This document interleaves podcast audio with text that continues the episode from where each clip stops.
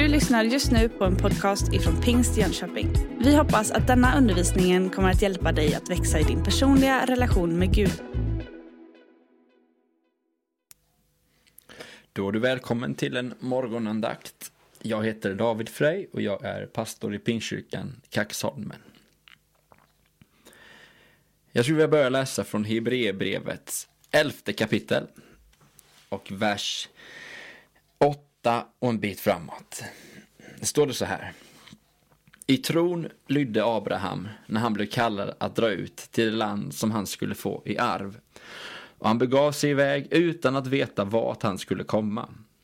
I tron levde han som främling i det utlovade landet. Han bodde i tält tillsammans med Isak och Jakob som var medarvängar till samma löfte. Ty han väntade på staden med de fasta grundvalarna, den som Gud hade format och skapat. Genom tron fick också Sara kraft att bli mor för en avkomma fast hon var överårig. Hon litade på honom som hade gett löftet. Därför fick också en enda man barn, talrika som stjärnorna på himlen och oräkneliga som sandkornen på havets strand. Detta trots att han var så gott som död. Vidare står det också, tron är en övertygelse om det man hoppas, en visshet om det man inte ser. Står det i första versen i Hebreerbrevets elfte kapitel. Abraham är en stor förebild i detta med tro. Och trots att löftet att bli en fader för många gavs vid 75 års ålder, vi kan läsa om det när det står så här i första Mosebok kapitel 17, så står det när, Abra, Abraham var 99 år uppenbarade sig Herren för honom och sade jag är Gud den allsmäktige, vandra inför mig och var fullkomlig. Jag ska sluta förbund mellan mig och dig och jag ska föröka dig mycket. Då föll Abraham ner på sitt ansikte och Gud sade till honom, se detta är mitt förbund med dig, du ska bli fader till många folk. Därför ska du inte mer heta Abraham, utan ditt namn ska vara Abraham, ty jag har gjort dig till fader för många folk. Jag ska göra dig mycket fruktsam och låta folkslag komma från dig, och kungar ska utgå från dig. Och jag ska upprätta mitt förbund mellan mig och dig och dina efterkommande, från släkte till släkte. Ett evigt förbund. Jag ska vara din Gud och din efterkommandes Gud.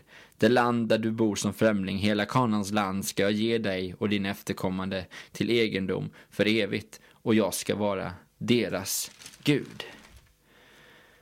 När man läser den här texten så, så fick ju så var Abraham gammal när han fick löftet om att han skulle få Isak.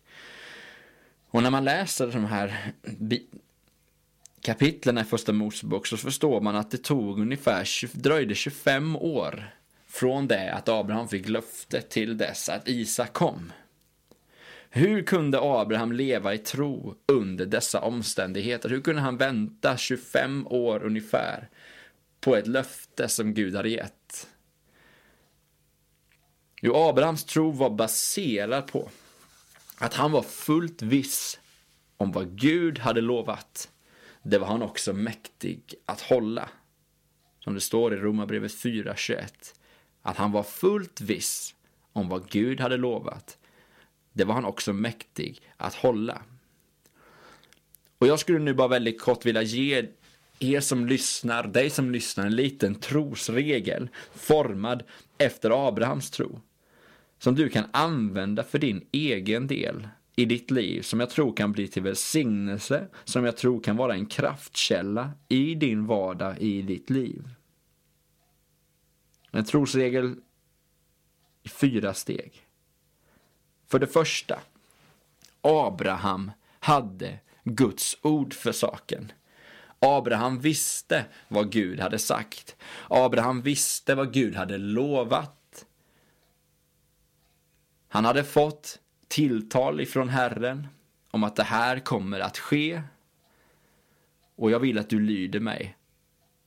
Abraham hade Guds talade ord för saken. För det andra, Abraham trodde på Guds ord. Han trodde på allt det han hade hört Gud säga till honom, alla de löften Gud hade gett, trodde han var sanna. Han trodde att de skulle ske. Han trodde på att Gud var mäktig att hålla. Han trodde att det Gud lovat, det är han mäktig att hålla. För det tredje.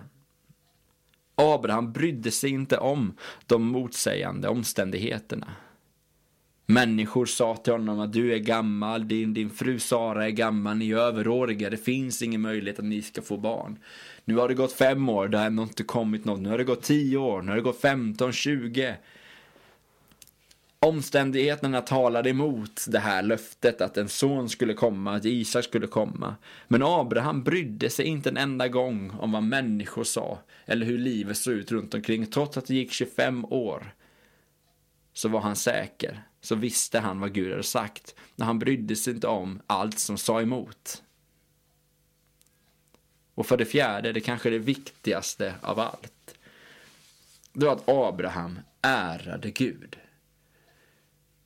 Från den stunden där Abraham blir omkallad till Abraham så läser vi om hans liv att han alltid ärade Gud.